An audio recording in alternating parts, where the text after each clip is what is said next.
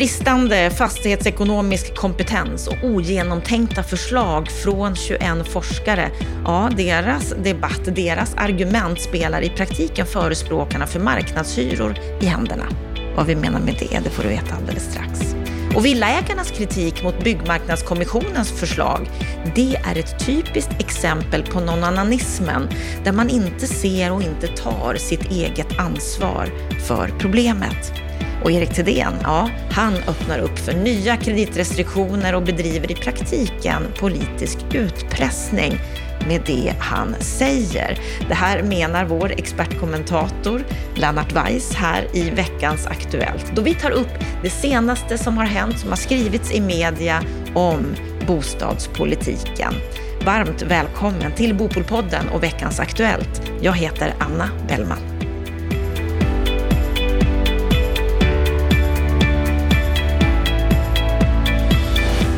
Förra veckan skrev 21 forskare en debattartikel om renovräkningar i Svenska Dagbladet. En debattartikel som vi kommenterade här i veckans Aktuellt. De påstår att hela beståndet av lägenheter med överkomliga hyror är på väg att renoveras bort, att den svenska hyresmodellens skyddsnät är fullt av maskhål.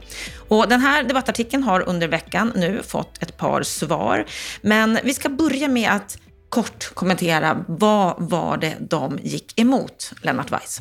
Det de är oroliga för det är att dagens bestånd av billiga hyresrätter håller på att försvinna. Och de håller på att försvinna i takt med att de renoveras.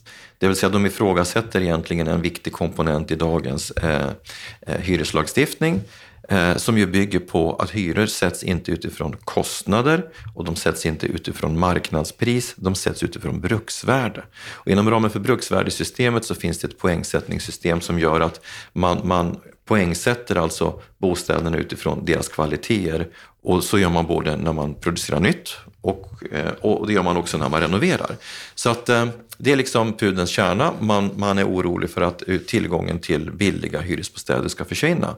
Och det, det, det öppnar ju för en flod av olika resonemang och synpunkter, vilket den här debatten illustrerar.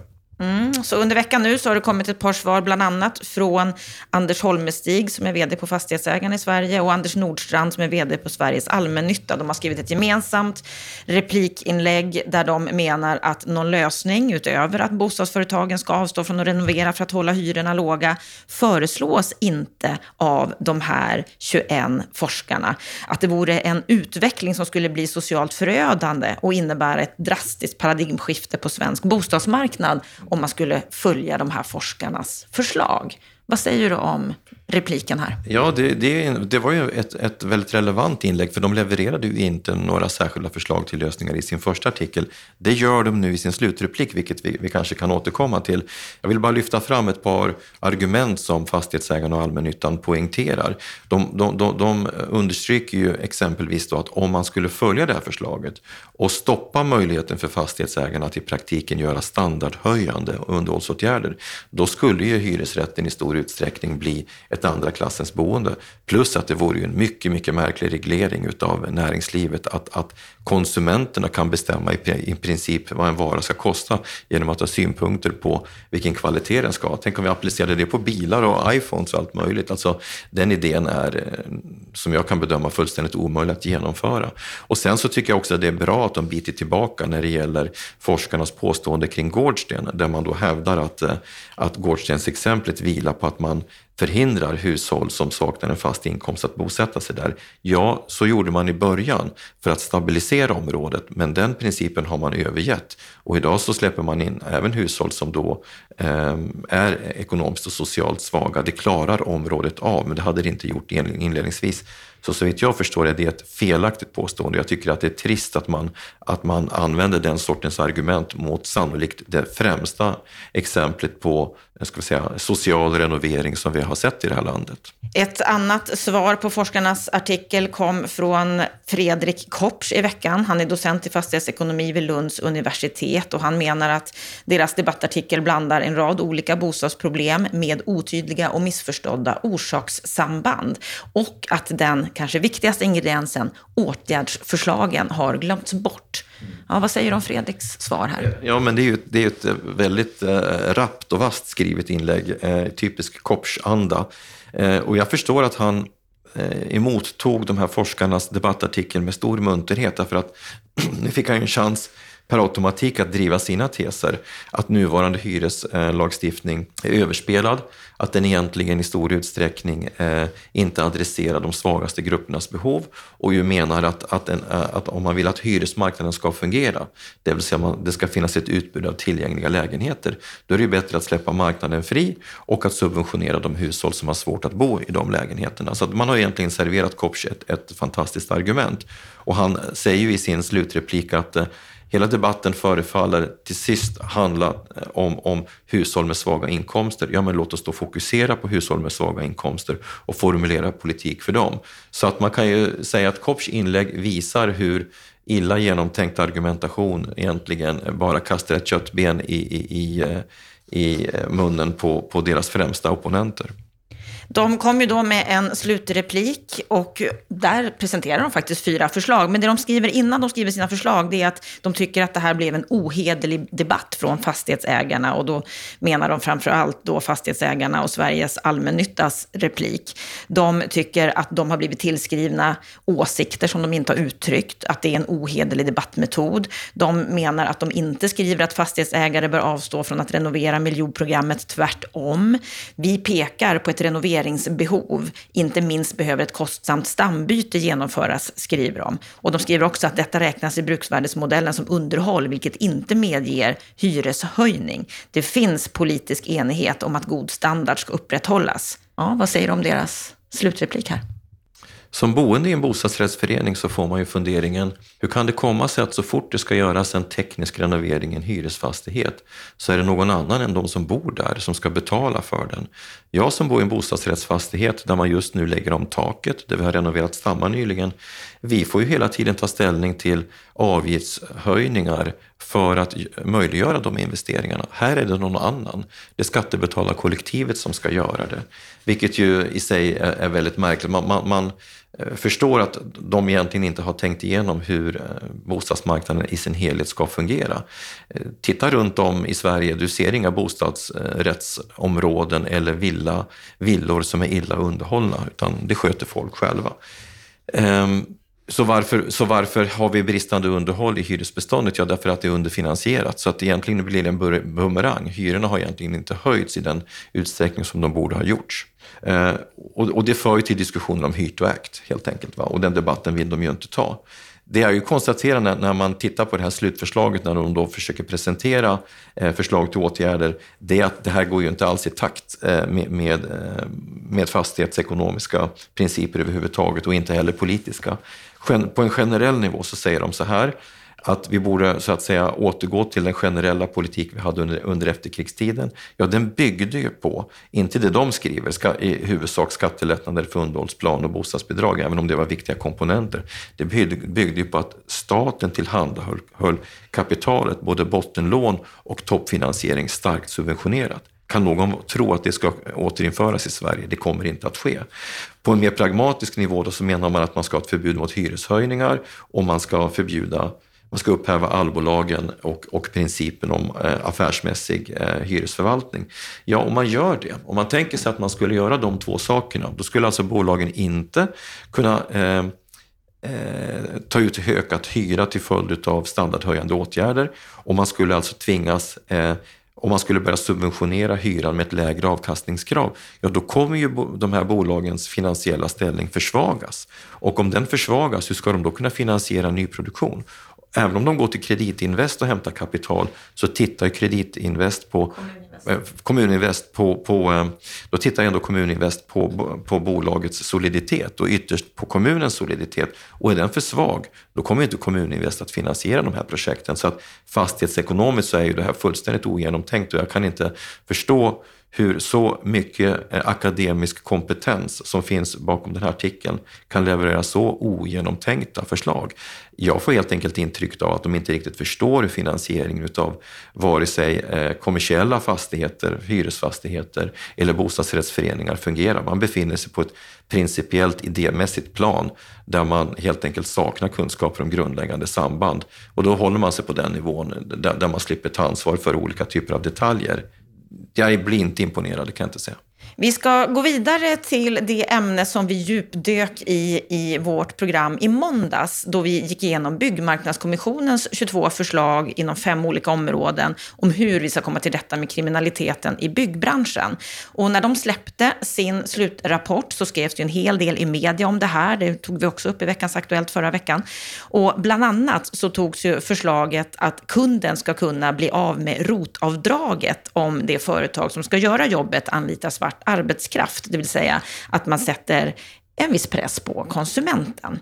Och Lena Södersten som är på Villaägarna, hon är kritisk till det här förslaget och i en debattartikel i Svenska Dagbladet så skriver hon straffa inte husägare om företag fuskar. Att det är orimligt att lägga ett sådant kontrollansvar på privatpersoner. Och hon drar bland annat parallellen att när du går in i en affär och handlar då är det omöjligt att kontrollera att butiksinnehavaren sköter sig och inte anlitar svart arbetskraft eller fuskar med momsen. Vad säger du om hennes replik på Byggmarknadskommissionens förslag? Ja, jag tycker att det är ett exempel på ett inlägg ifrån en intresseorganisation när intressepolitik går före den, den, den större frågeställning som det egentligen handlar om.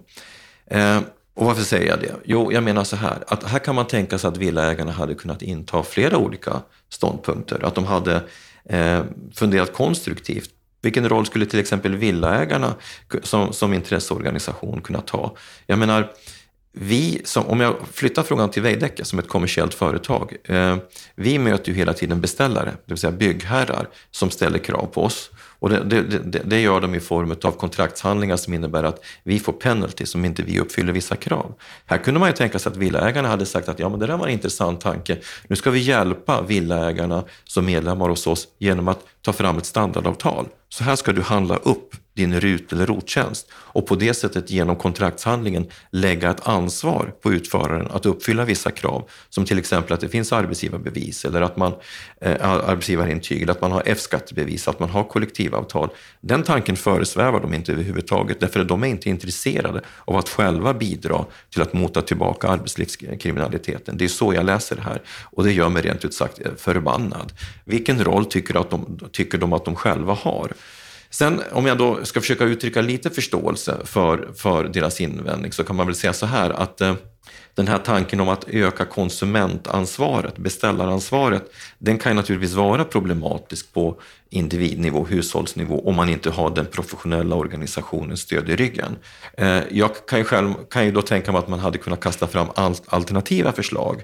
Och en alternativ tanke, det skulle kunna till exempel vara så här, att lagstiftaren eh, gör det tydligt för utförarna att vissa grundkrav ska uppnås. Det finns ju redan idag då krav på, på från, alltså offentliga beställare har ju ett krav, om än inte om kollektivavtal, att, kol, att kollektivavtalsliknande villkor ska uppfyllas, vilket i praktiken är kollektivavtalets grundlön eh, och, och att trygghetsförsäkringar och så ska betalas. Det skulle, skulle man kunna tänka sig som krav. Man skulle också kunna tänka sig ett, ett förbud mot att leverantören i sin tur anlitar en underentreprenör, vilket har blivit ganska vanligt. Det vill säga du anlitar ett företag som eh, frontar upp med en schysst fasad och som ger dig ett pris som ger sken av att vara ett korrekt pris och så anlitar de i sin tur en underentreprenör, till exempel ett baltiskt företag med slavlöner. Och så tar de alltså eh, en hög intäkt och så tillgodogör de sig att kunden då så att säga har en skattesubvention. Det skulle man kunna förbjuda. Här kommer alltså inte något konstruktivt förslag överhuvudtaget utan bara ett, ett mekaniskt försvar utav deras medlemmars intresse. Men då bortser man ju från att det ligger i deras medlemmars intresse att skattesystemet fungerar, att arbetsmarknaden fungerar, att eh, socialförsäkringssystemet fungerar. Om någonting ska fungera i det här samhället, då måste alla grundläggande system fungera. Har Villaägarnas jurist några synpunkter kring det? Överhuvudtaget inte. Jag tycker det är ett beklämmande svagt inlägg. Det hon bland annat skriver det är att hon håller med Byggmarknadskommissionens bedömning att det vore en fördel om subventionsnivån och taket för ROT och RUT-avdraget är lika. Att ROT-avdraget sänktes från 50 till 30 procent och att taket för RUT-avdraget är eh, sänkt från 75 till, till 50, det vill de återställa. Är inte det en konstruktiv och bra Jo, jag håller ju med om, om den saken, men det blir ju återigen intressepolitik. Istället för att liksom, eh, komma med förslag kring det som den här sakfrågan egentligen handlar, nämligen arbetsmarknadskriminalitet, så fortsätter man att driva sina intressepolitiska frågor. Eh, och, och jag tycker det är ett uttryck för bristande samhällsansvar helt enkelt. Och, och det gör ju att villaägarnas trovärdighet försvagas kraftigt. Vi ska gå vidare till Erik Thedéen som eh, blev utfrågad i finansutskottet här i veckan där han bland annat menar att det vore bra för den finansiella stabiliteten om finanspolitiken tog ett större ansvar för stabiliseringspolitiken och att Riksbanken därmed inte skulle kunna känna sig tvungna att genomföra omfattande köp av obligationer för att nå inflationsmålet. Vad är det han menar här, Erik? Han uttrycker sig ovanligt dunkelt måste jag säga, därför att kopplingen mellan eh, subventionspaketen för att liksom hålla nere priset på, på, på bostadsobligationerna eh, och de här frågorna är ju inte helt liksom glasklart lätt att, att reda ut. Jag tar fasta på att han talar om behovet av strukturella reformer och det brukar ju hans värld betyda att man ska införa marknadshyra, att man ska ta ner ränteavdragen och så vidare för att på det sättet då dämpa prisutvecklingen på bostadsmarknaden. Och det är ju kända förslag som, som ju vi vet är politiskt antingen omöjliga eh, att genomföra eller som skulle få väldigt stora konsekvenser för bostadsmarknaden, för priser, för nyproduktion och så vidare, för, för hushållens ekonomi.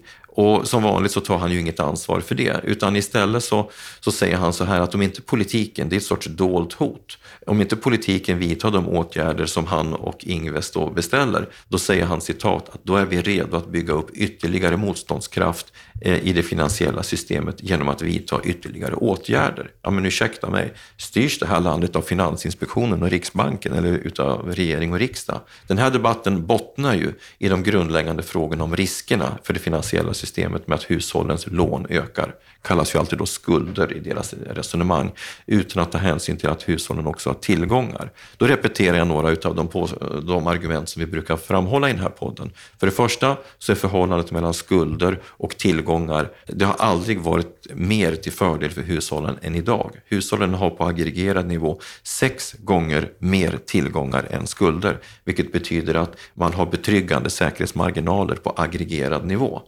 Om man säger det då, som jag gör, då blir ju frågan, ja men kan det ändå inte finnas systemrisker i det här? Jo, men då analyseras ju de utifrån vissa objektiva eh, parametrar som ju Finansinspektionen själva gör i sina bolånerapporter.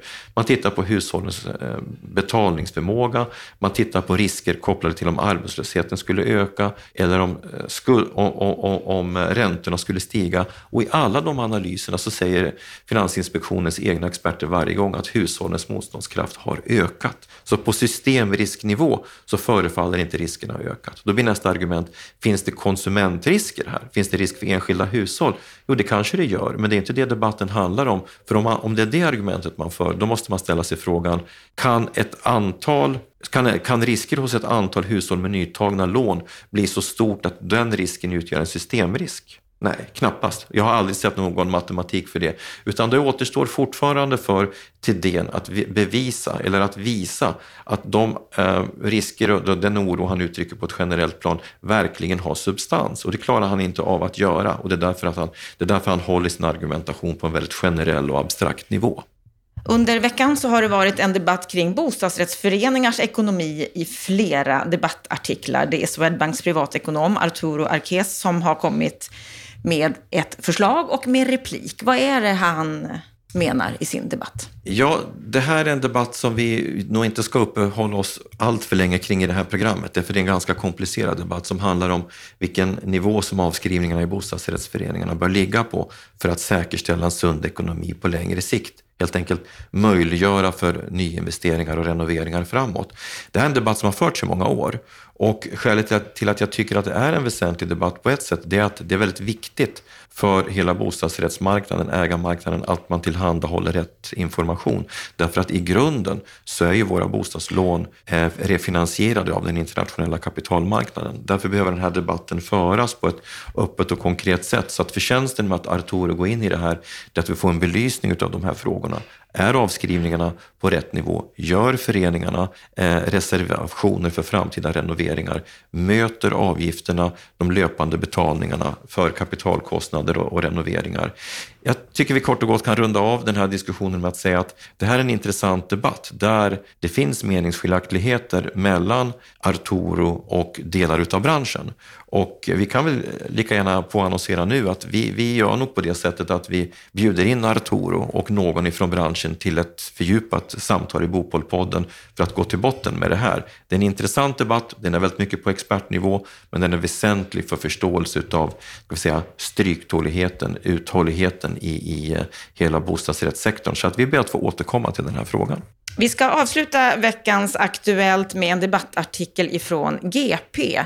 Nytänkande krävs för att underlätta för unga att köpa en bostad. Och debattförfattarna Timmy Andersson och Agneta Jakobsson från Bosam, de skriver så här att alla vet att unga vuxna har svårt att ta sig in på bostadsmarknaden, men ingenting görs trots att det finns lösningar redan idag där den som köper tar en mindre del av lånet och där istället bostadsrättsföreningen tar den större delen. Ett nytt spännande bostadskoncept. Ja, och man kan ju säga att det här är ett nytt spännande bostadskoncept inom BRF-marknaden som på sätt och vis eh, till bakgrund och syfte liknar det här initiativet Bokop som vi hade i Bopolpodden. Det var väl hösten 21 va? Eh, det var anpassat till hyresrättsmarknaden för att möjliggöra för fler att komma in där och att bygga fler hyresrätter till lägre hyra. Det här initiativet syftar till att med en ny finansieringsmodell göra det möjligt för fler hushåll som inte har eget kapital att komma in på ägarmarknaden. Eh, händelsevis så ska det ju vara så att vi, vi, vi ska spegla det här i nästa veckas Bopolpodd. Och så vi ber egentligen att få återkomma till det. Men jag, jag tycker att utvecklingen är intressant att i det ett läge när politiken nästan är handlingsförlamad och inte klarar av att möta de svaga hushållen, framförallt de unga hushållens eh, behov av att kunna etablera sig på bostadsmarknaden, då kommer det innovationer ifrån näringslivet själv. Och det är ett intressant fenomen. Det, politiken klarar inte av att möta behoven, då kommer marknaden med lösningar.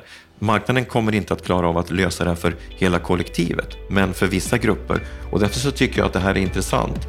Det, det, det, speglar att politiken inte riktigt klarar av sin roll, men det speglar också att det uppstår en innovationskraft som åtminstone på marginalen kommer att hjälpa till att lösa de här problemen. Och det är intressant. Det är intressant och eh, Timmy Andersson, han kommer du få höra i en fördjupad intervju redan nu på måndag om Bosams modell. Ibland när man lyssnar på, på diskussioner i handelskammaren eller när man hör politiska debatter så pratas det just mycket om de här långa processerna med ett slopat amorteringskrav eller att det finns andra subventioner och så vidare. Det vi vill är att man ska veta att det finns en lösning på den här problematiken som ger lägre pris på bostadsrätter. Vi är en sådan. Uh, och det är inte så att det är någonting som kommer eller någonting som är en framtidsdröm. Det finns redan idag. Ja, det var Timmy Andersson från Bosam och vad de vill, på vilket sätt de har löst problemet att unga eller de med svagare ekonomi inte har möjlighet att ta sig in på bostadsmarknaden. Ja, det får du höra i vårt program på måndag. Stort tack för att du lyssnar på Bopolpodden på veckans Aktuellt. Med detta så önskar vi dig en riktigt trevlig helg.